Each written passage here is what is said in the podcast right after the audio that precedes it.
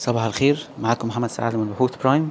هنبدأ الاجتماع الصباحي ليوم الأحد 2 أكتوبر 2022 أم، عندنا النهاردة مجموعة من نتائج الأعمال اللي كانت ظهرت متأخر. أه، أولها يخص أه، أه، القلعة. القلعة قدرت تتحول لربحية في الربع التاني من 2022 وحققت صافي أرباح بعد حقوق الأقلية. وصل إلى 362 مليون جنيه. ده بالمقارنة ب 402 مليون جنيه خساير في الفترة المقارنة. لو هنحلل أهم أسباب أه، تحول الربحية هنلاقي إن أه، مبدئيا ال revenues بتاعت الشركة ارتفعت بشكل كبير جدا بنسبة مية خمسة وستين في المية بدعم من تحسن من ال revenues بتاعت ERC أو Egyptian Refinery أو مصرية التكرير آه، القلعة حققت إيرادات تقريبا ستة وعشرين مليار وتسعمية مليون. آه، ده نمو زي ما قلنا مية خمسة وستين في المية سنة على سنة بجانب تحسن كبير في ال EBITDA margin. وصل وتلاتين في المية قصاد سبعة في المية من سنة فاتت. أسباب ال- التحسن زي ما قلنا هو ERC واللي لو إحنا حيدنا آه، الأداء بتاعها في ال revenues still أداء القلعه في كإيرادات آه، ما كانش آه، ما كانش سيء لأن لو شلنا إيرادات ERC هنلاقي الايرادات كانت ممكن تنمو ب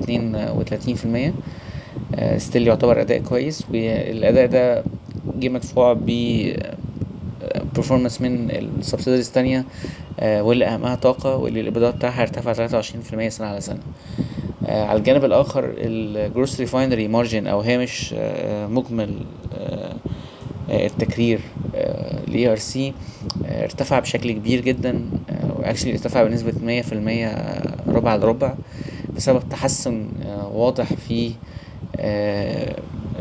ال spreads أو فوارق الأسعار ما بين أسعار المدخلات وأسعار ال ال ال outputs بتاعت ال- ال- الشركة. آه، واللي ارتفعت من حيث ال volumes بنسبة خمسة وتلاتين في المية سنة على سنة آه، في الربع التاني آه، واللي كان من أهم ال contributors أو المساهمين لإجمالي ال volumes كان ال- الديزل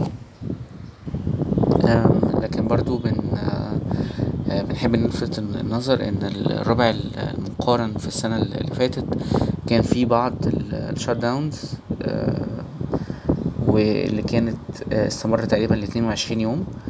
آه، فده برضه ممكن يكون سبب إن ليه في يعتبر في slight base effect لكن آه، في النهاية برضه ارتفاع الأسعار آه، وال spreads اللي كانت أوسع خلال الربع التاني كانت حاجة يعني notable وليها تأثير كبير جدا على ال margins بتاعت ERC أكتر من ال impact بتاع ال volume برضو من نتائج أعمال الشركات آه، East آه، أو شركة الدخان كانت نزلت آه، نتائج أعمال السنة آه، النتائج الكاملة.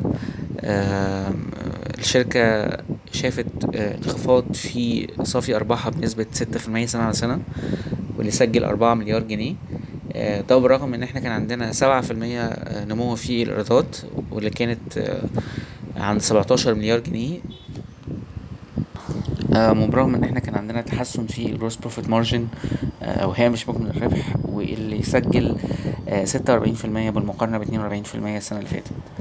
آه، بنلاحظ إن آه، ضعف ال earnings رغم ال- آه، التطورات الإيجابية اللي كانت موجودة في الإيرادات وفي ال margins سببه آه، بعض ال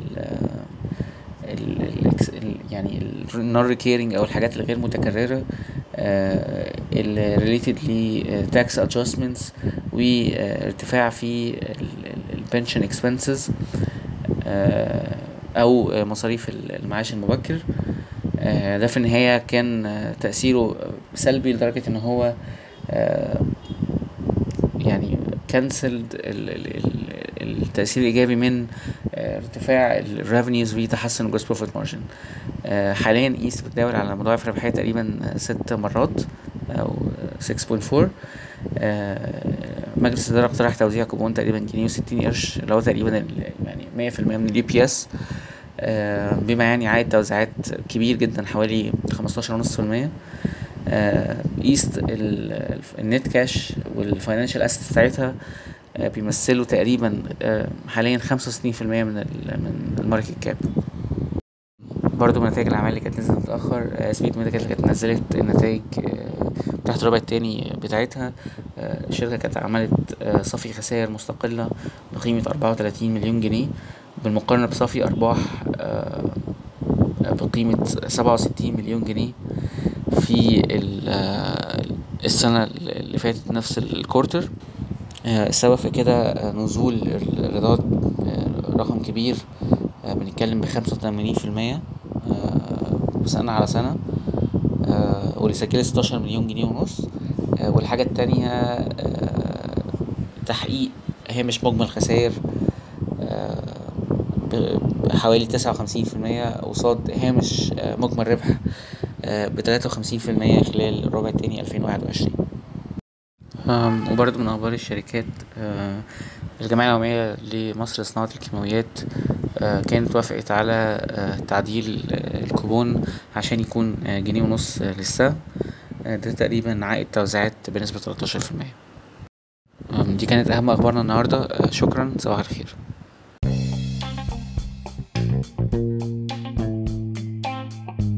يرجى العلم أن هذا العرض هو لأغراض معرفية فقط. ولا يمكن اعتباره عرض أو توصية شراء أو بيع أو إدارة استثمارات أو خدمات استشارية. ينصح باستشارة مستشارك المالي قبل اتخاذ أي قرار استثماري. الأداء التاريخي ليس مؤشرًا يعتمد عليه لتحديد الأداء في المستقبل.